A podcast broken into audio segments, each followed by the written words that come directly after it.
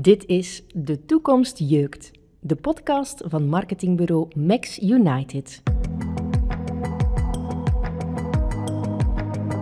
Tijdens de opnames van Vive le Vélo in het gezellige wielercafé Het Juiste Verzet maakte Kurt kennis met Griet Langedok.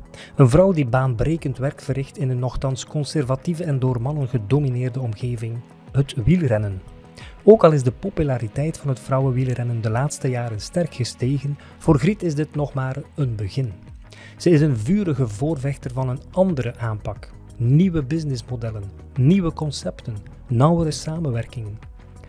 De kleindochter van Puppe Ves vindt dat de wielersport een versnelling hoger moet schakelen. Surplassen is duidelijk niet aan deze vrouw besteed.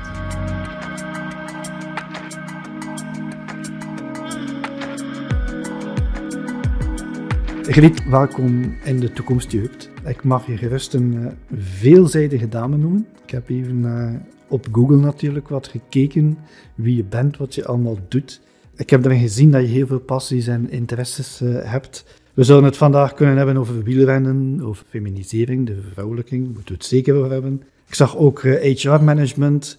Ik las zelfs iets over de brandweer, die ook een passie is voor u. Laat ons misschien eens met het wielrennen beginnen, want ik denk dat dat momenteel toch wel het meeste van je tijd in beslag neemt. Momenteel pakt dat behoorlijk wat van mijn tijd. Mijn professionele activiteit is HR-management als consultant. Maar daarnaast neemt het wielrennen inderdaad wel een groot stuk van mijn tijd, interesse, passie en energie. Van waar kunnen we jou kennen? Voor de mensen die de naam Griet Langedonk niet kennen, wat is momenteel die grootste activiteit dan? Goh, ik denk in het wielrennen. Ik ben voorzitter van de commissie Vrouwen Wielrennen van Cycling Vlaanderen lid van de commissie Vrouwenwielrennen van Belgian Cycling. En ik loop natuurlijk al enige tijd rond in het wielrennen, voormalig organisator Gent-Wevelgem. En als een van de enige vrouwen in het wielrennen, dan valt het snel op. Ja, dat zal wel. Maar ik heb u gezien in uh, Vive le zat u in het panel.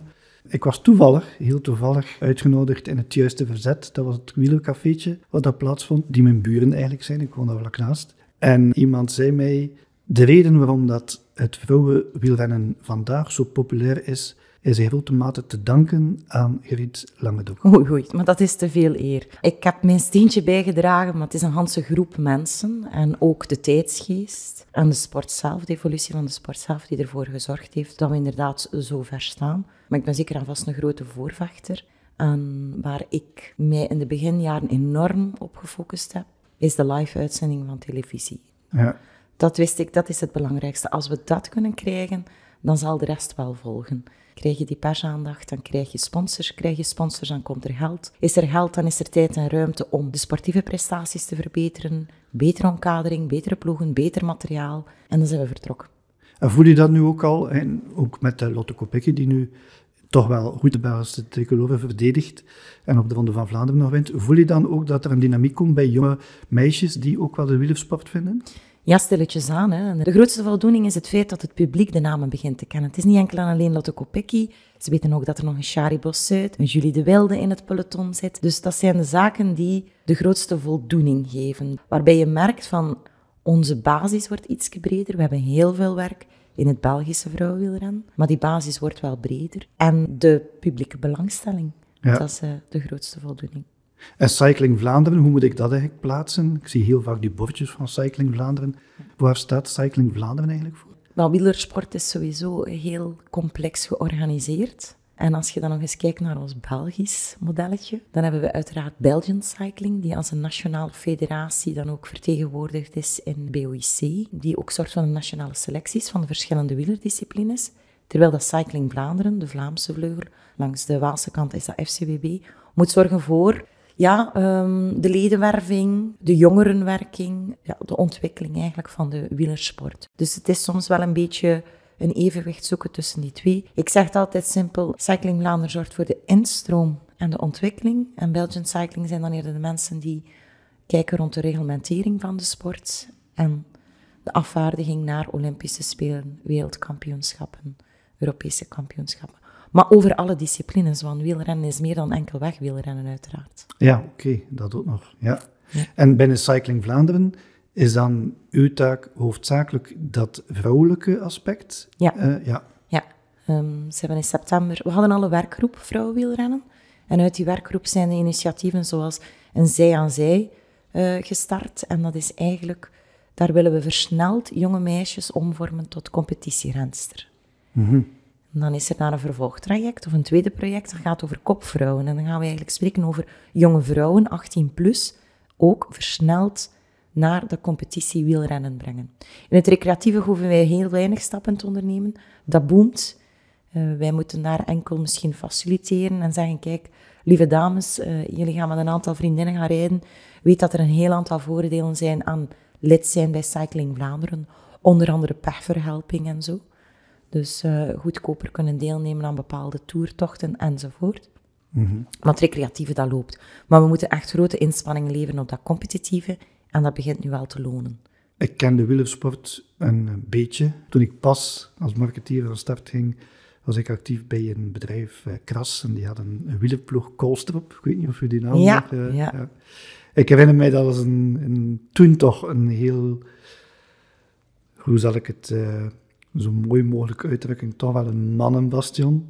In die mate zelfs dat ik als marketeer op een bepaald moment had gevraagd of dat er journalisten mee mochten in de volgwagen. Dat was geen probleem.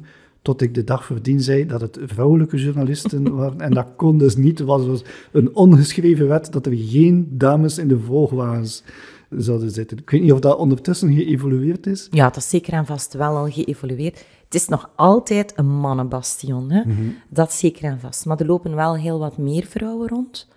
En die zitten in diverse functies. En dat gaat van uh, commissarissen, um, dat gaat even goed de, de mobiele brigade, uh, die de beveiliging doet van de wedstrijden. Dat zijn ook al heel vaak vrouwen die achterop zitten op de moto. Soms hebben ze zelfs eens een, een vrouwelijke motorrijdster, dat heb je ook. Oké. ja. Dus um, ja, er zijn, maar het zijn uiteraard wel nog altijd ja, de uitzonderingen. Het is en blijft wel een mannenbastion. Ja. Maar er komt beterschap. Er komt beterschap. Als we dan uh, uh, bijvoorbeeld denken aan uh, Trek Segafredo, daar is er een, een vrouwelijke Elke Weiland. We hebben ook bij Lotto is er een dame die aan, aan het hoofd komt te staan, die daar toch een belangrijke functie ook opneemt. Binnen het sponsoringgeheel, dus stilletjes aan. Ja. Zien we daar ook wel een goede evolutie? Ja. Of misschien wel evolutie. Misschien komen we dan misschien tot het volgende thema, wat ik met jou graag wil over hebben, over die, die vervrouwelijking. Maar je bent, je bent heel vaak in ondernemerskringen. Ja. Zie je die evolutie die je bij het wielrennen vaststelt, zie je die ook de laatste jaren bij bedrijven? Ik zou zeggen, in het mannenwielrennen is het zeker en vast nog zo dat we de uitzonderingen zijn en dat het als vrouw wel voor een stuk te lopen is in structuur die er daar staat. Dan heb je dan langs de andere kant het vrouwenwielrennen, die enorm boomt, die een nieuwe business geworden is. Daar zijn er heel wat meer vrouwen aan de slag, maar ook daar maken we weer de fout van er een mannelijke structuur op te zetten. We zijn weer die ganse dezelfde structuur van het mannenwielrennen aan het kopiëren. Mm -hmm. Dat zal ook zorgen voor de nodige problemen, dat zie ik nu al. Um, ik had een tweetal weken terug een interview met een aantal vrouwen in het vrouwenwielrennen, Lieselotte Croix, Ine Bij en Jolien Doren. En we waren bezig over een aantal, goh, kwalijke evoluties is misschien een groot woord, maar toch evoluties in het vrouwenwielrennen, waar ik me bijzonder veel vragen bij stel. En ik heb dan eigenlijk de boute uitspraak gedaan, ik zeg, ja, het is weer de schuld van de mannen. Het is niet de schuld van de mannen, het is de schuld van opnieuw een mannelijke oplossing voor een probleem die veel complexer is. Ja. Um, zij gaan inderdaad zeggen, ah, dat is het probleem, we lossen dat zo op. Dan je zegt, ja, maar je ziet de grotere context niet. Dat is niet de correcte oplossing. Ik zie zaken, bijvoorbeeld het prijzengeld, daar is er nu heel veel over te doen. Het prijzengeld moet gelijk zijn, maar dat is nu weer zo'n kortzichtige window dressing. Uh, ja, denk ik weer mannelijke statement. Ah ja, ja, gelijk prijzengeld. Om te beginnen, er is nog altijd geen gelijk startgeld. Mm -hmm. En de wielersport zou veel meer gebaat zijn met gelijk startgeld, want dan gaat dat ook naar de basis. Dat prijzengeld gaat enkel naar de top. En daar is het al goed. Ja. En we hebben dringend basis nodig en een versterking van die basis. Maar ja, mannelijke oplossing.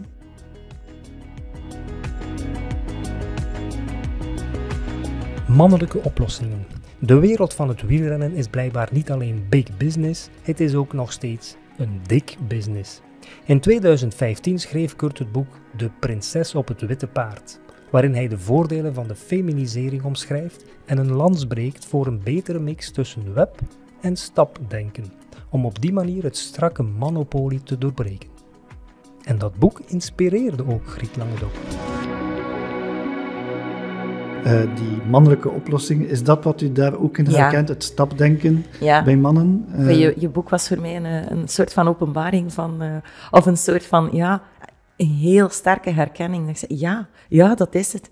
Dat is het. En dat is ook heel vaak waar het ja, op blokkeert als je een vrouw met, of iemand met vrouwelijke kenmerken in een mannelijke organisatie gaat gaan stoppen. Hè.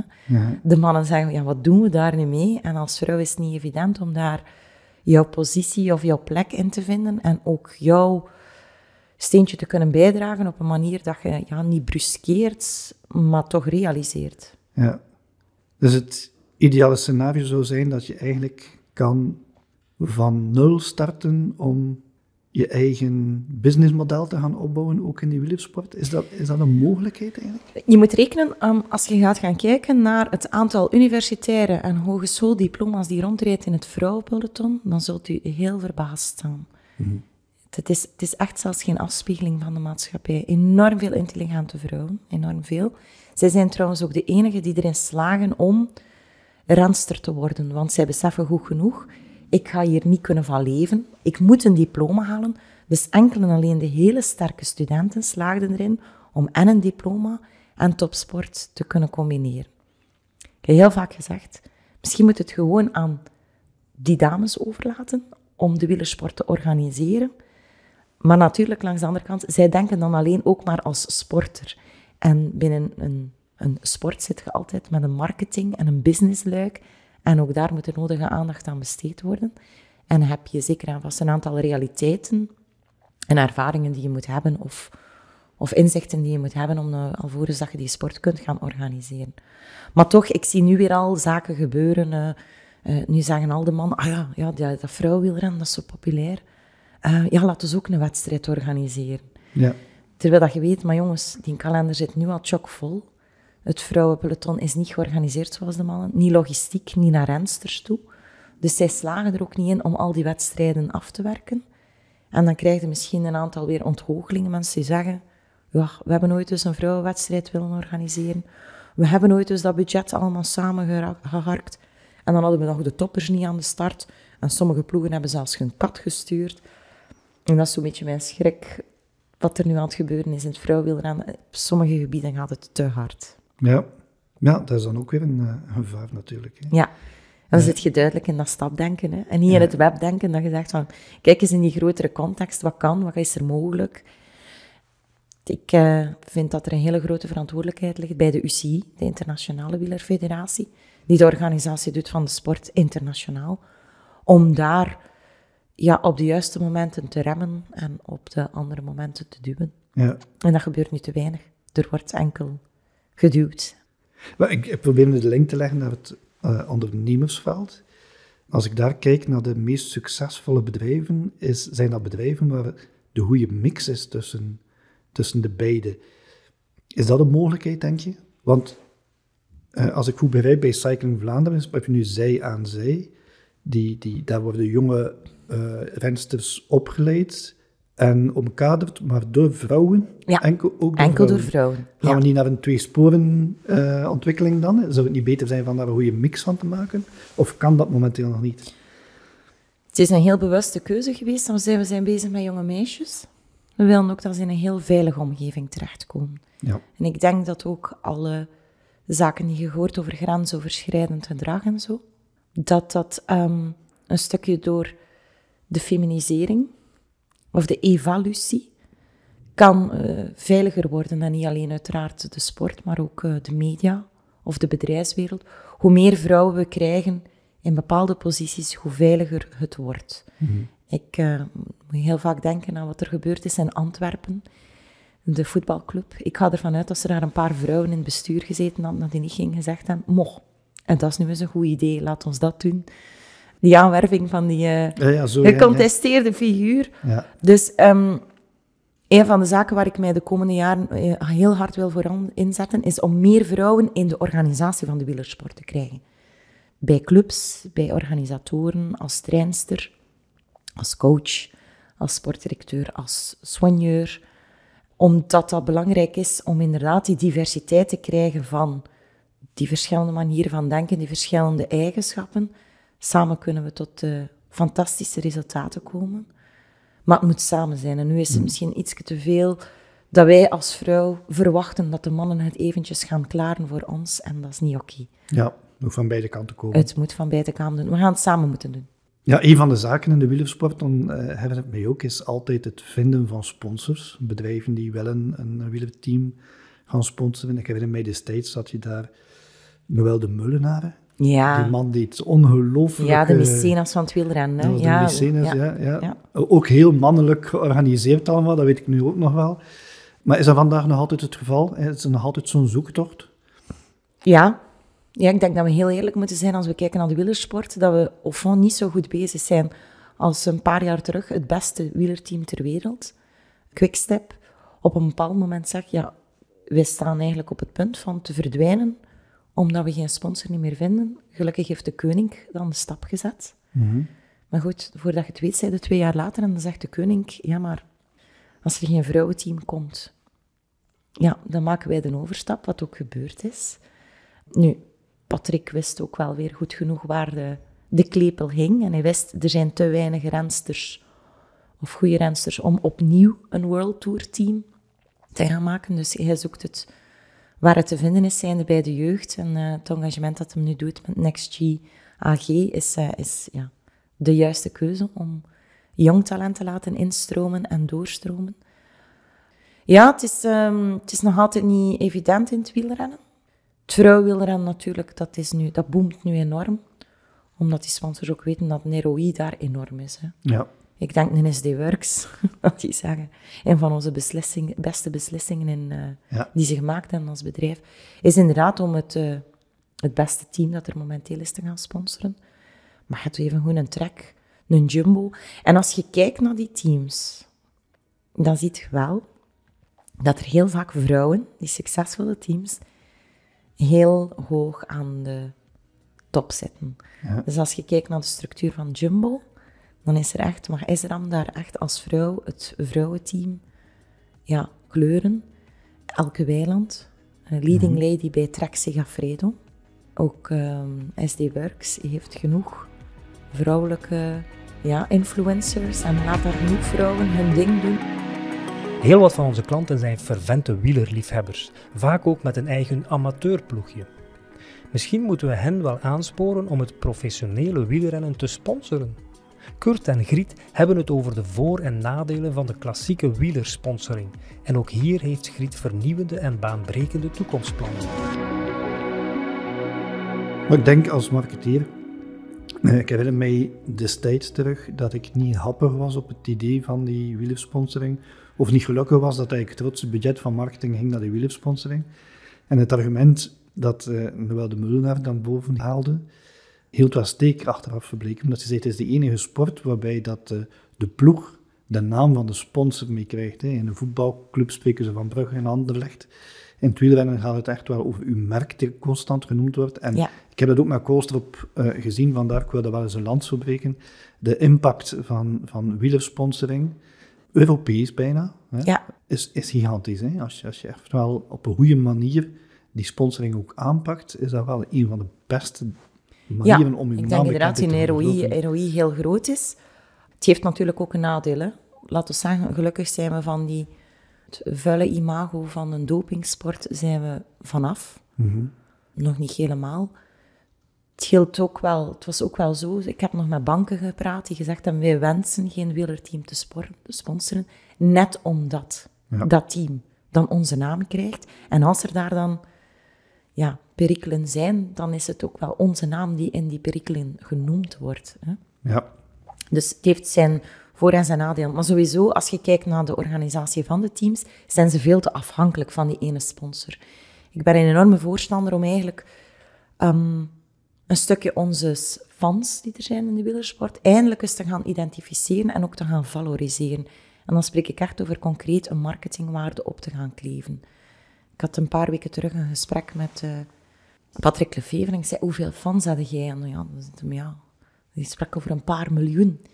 Ik zeg, maar die paar miljoen, die, die brengen jou niks op. Hè? Stel nu voor dat die paar miljoen jou ieder jaar 10 euro geven. ja, dan, dan verdubbelde jij je zomaar hier eh, je budget. En dus moeten we erin slagen om eigenlijk onze fans... Koers moet altijd op de weg. Moet koers altijd gratis blijven. We gebruiken het openbare gegeven, dus we kunnen moeilijk gaan zeggen... Ja, en hier voor die simpele passage moeten betalen. Het zorgt er ook voor dat de koers een, uh, de sport van het volk is. Maar er zijn ook wel zaken in. We moeten zorgen dat we wieleruitzendingen zijn ook een beetje saai geworden, als het ware. Ze zijn niet saaier of vroeger, absoluut niet. Maar wij zijn veranderd als kijker. Ook de jeugd zeker en vast, die wil veel meer interactie.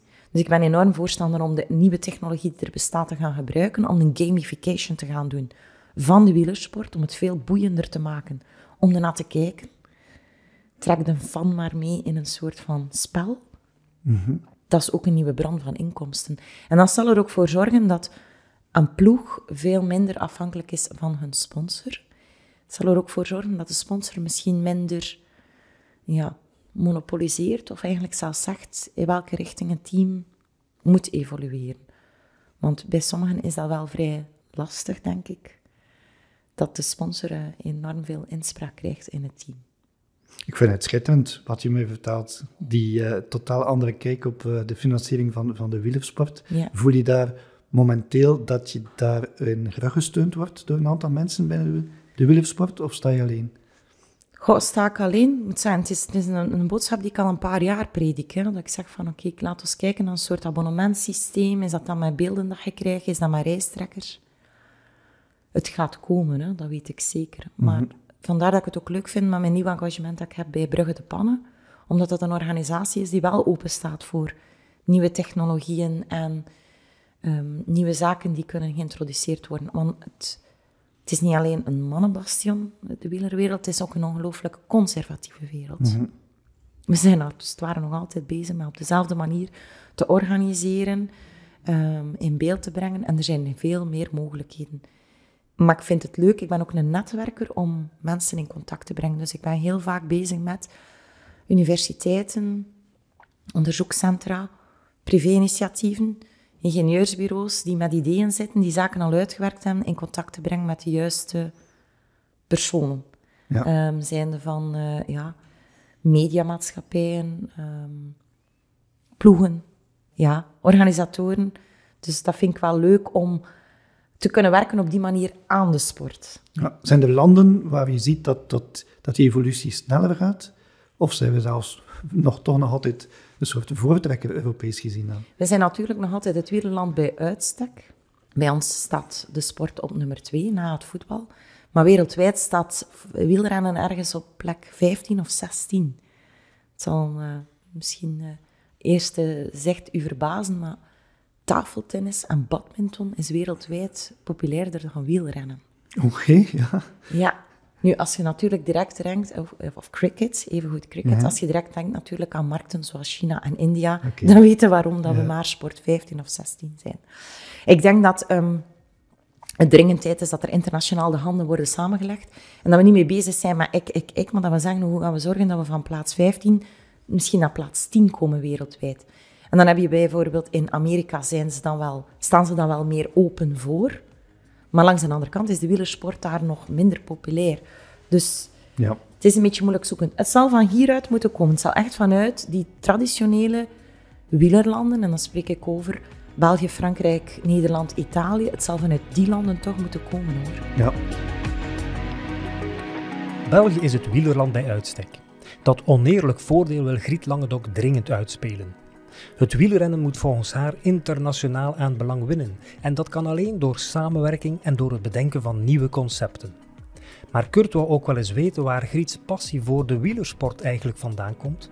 Zit het in de genen? We hebben nu heel veel over wielrennen gehad. Uh, een grote passie natuurlijk. Uw grootvader was ook wielrenner, zeker heb ik. Uh, ja, ik heb hem jammer genoeg niet gekend. Ja. Um, maar mijn opa heeft inderdaad uh, een twee à drietal jaar zoiets uh, profrenner geweest, wat dat toen in die tijd wel betekende, want we spreken hier effectief over het jaar 1926 tot 1928. Je heeft in, uh, in 27 een rit gewonnen in de Tour de France. Hij was ook tiende okay. in het eindklassement. En er is van hem ook wel een hele iconische foto. Vind ik super dat, uh, dat dat, is, dat dat mijn opa is. En dat is een, een foto uit die Tour 1927 met vier renners op een rij. En ze zijn een sigaretje aan het roken.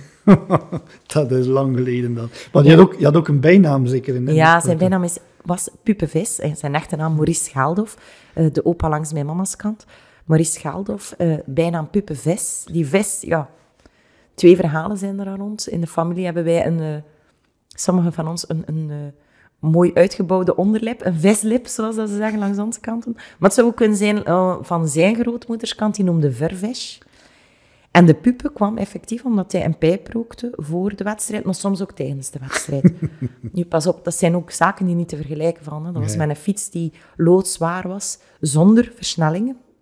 Als ze wilden een andere versnelling hebben bij een bergetappe, moesten ze het achterwiel uithalen en draaien. Mhm. Maar dat waren ritten van 400, 500 kilometer hè, over ja, gravelwegen. Hè. Dat is nu zo in gravel, maar dat was nog...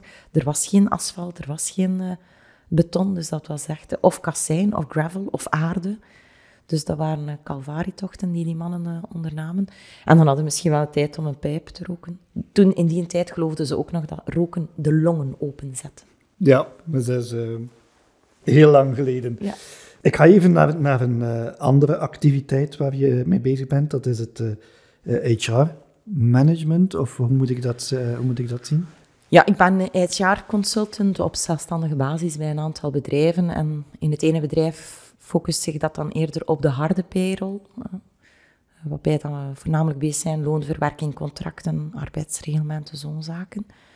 Maar nu stel ik eens aan ook naar de soft HR gegaan. Functioneringsgesprekken, groeigesprekken, ehm, coaching, uh, zo'n zaken. En dan bij een ander bedrijf is dat eigenlijk mijn voornaamste taak. Dat ja. uh, zachte traject.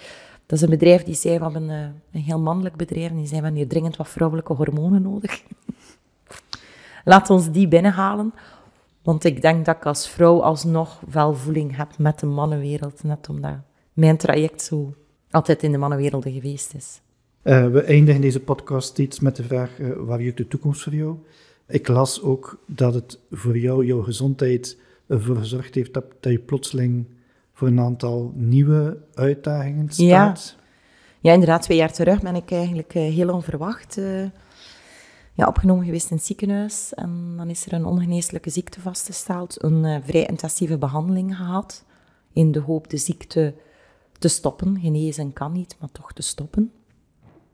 Um, ja, je weet natuurlijk dat ik een bepaald traject ga aflopen. Hè. Dus ik zeg altijd, iedereen, iedereen zijn auto rijdt richting Ravijn, alleen rijdt die van mij iets sneller. Maar ik moet eerlijk zeggen, het is niet dat het mij ongelukkiger gemaakt heeft. Integendeel, ik, ik leef al altijd heel bewust. Mhm. Ik ben al 22 jaar brandweer. Effectief, dus uh, binnen brandbestrijding en ook alle jammerlijke ongevallen. Dus ik ben ook al heel vaak geconfronteerd geweest met de dood. Um, heel vaak mensen gezien dat ik dacht, oei, jij zit deze morgen ook niet vertrokken thuis denken van ik kom nooit meer terug. Dus uh, ik leefde wel al vrij bewust en, uh, en nu misschien nog bewuster.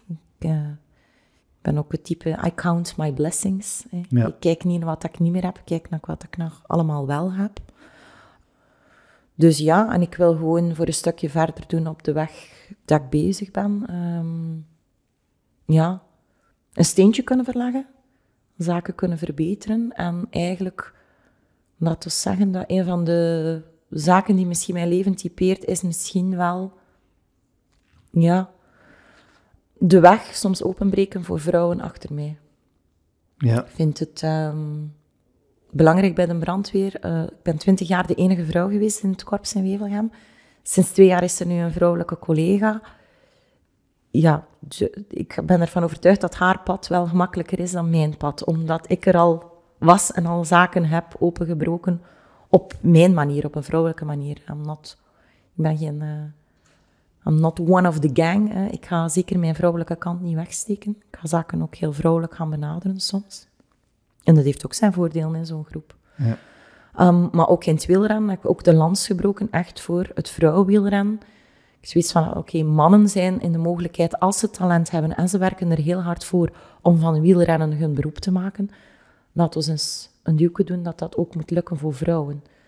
Maar uiteindelijk, ja, moet het wel zo zijn dat de sport binnen een paar jaar op zich staat. Hè. Je kan niet blijven uh, investeren of, of, zaken, uh, ja, een soort van, van uh, hoe moet ik het zeggen, onnatuurlijk gaan stimuleren. Op een bepaald moment moet die sport er wel staan. En daar zijn we nu al veel vroeger dan ik ooit had kunnen durven dromen. Uh, nu is dit een interessant product geworden voor een marketeer of voor een bedrijf vrouwenwielrennen.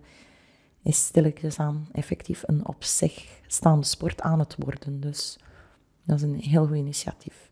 Dus ja, voor mij de, jeukt de toekomst nog altijd. Ja, ja, ja. ja. Uh, verder werken. Um, en nu is uh, een nieuw project dat ik wil doen, is inderdaad, ja. Wat dat jij beschrijft in je boek al zo lang geleden, is eigenlijk die evolutie in het vrouwenwielrennen. Hè. Ik wil echt uh, naar een feminisering gaan van het wielrennen. En dan wordt het ook volgens mij een veiliger sport en een beter sport. Wel, ik denk dat dat een heel mooie ambitie is. Je weet mij te vinden als ik er iets kan in betekenen. Ik ben nog altijd een groot voorstander van de evolutie. Waarschijnlijk omdat ik vier dochters heb en dat ik ook voor hen baanbrekend wil zijn. Mag ik u hartelijk danken voor dit gesprek. Met um, plezier, dankjewel voor de zeer uitnodiging. Zeer verrekend. En uh, ik wens u alle succes met de plannen die je nog hebt. Ik ga ze op de voet volgen, dat is beloofd. Dankjewel. Vrouwenwielrennen is een interessant product voor de marketing- en bedrijfswereld geworden. En Griet Langendok bruist nog van goesting en ideeën om die troef uit te spelen. Durf jij ook baanbrekend te zijn met jouw bedrijf, jouw merk of jouw sector? Laat ons dan eens praten. Welkom op maxunited.be.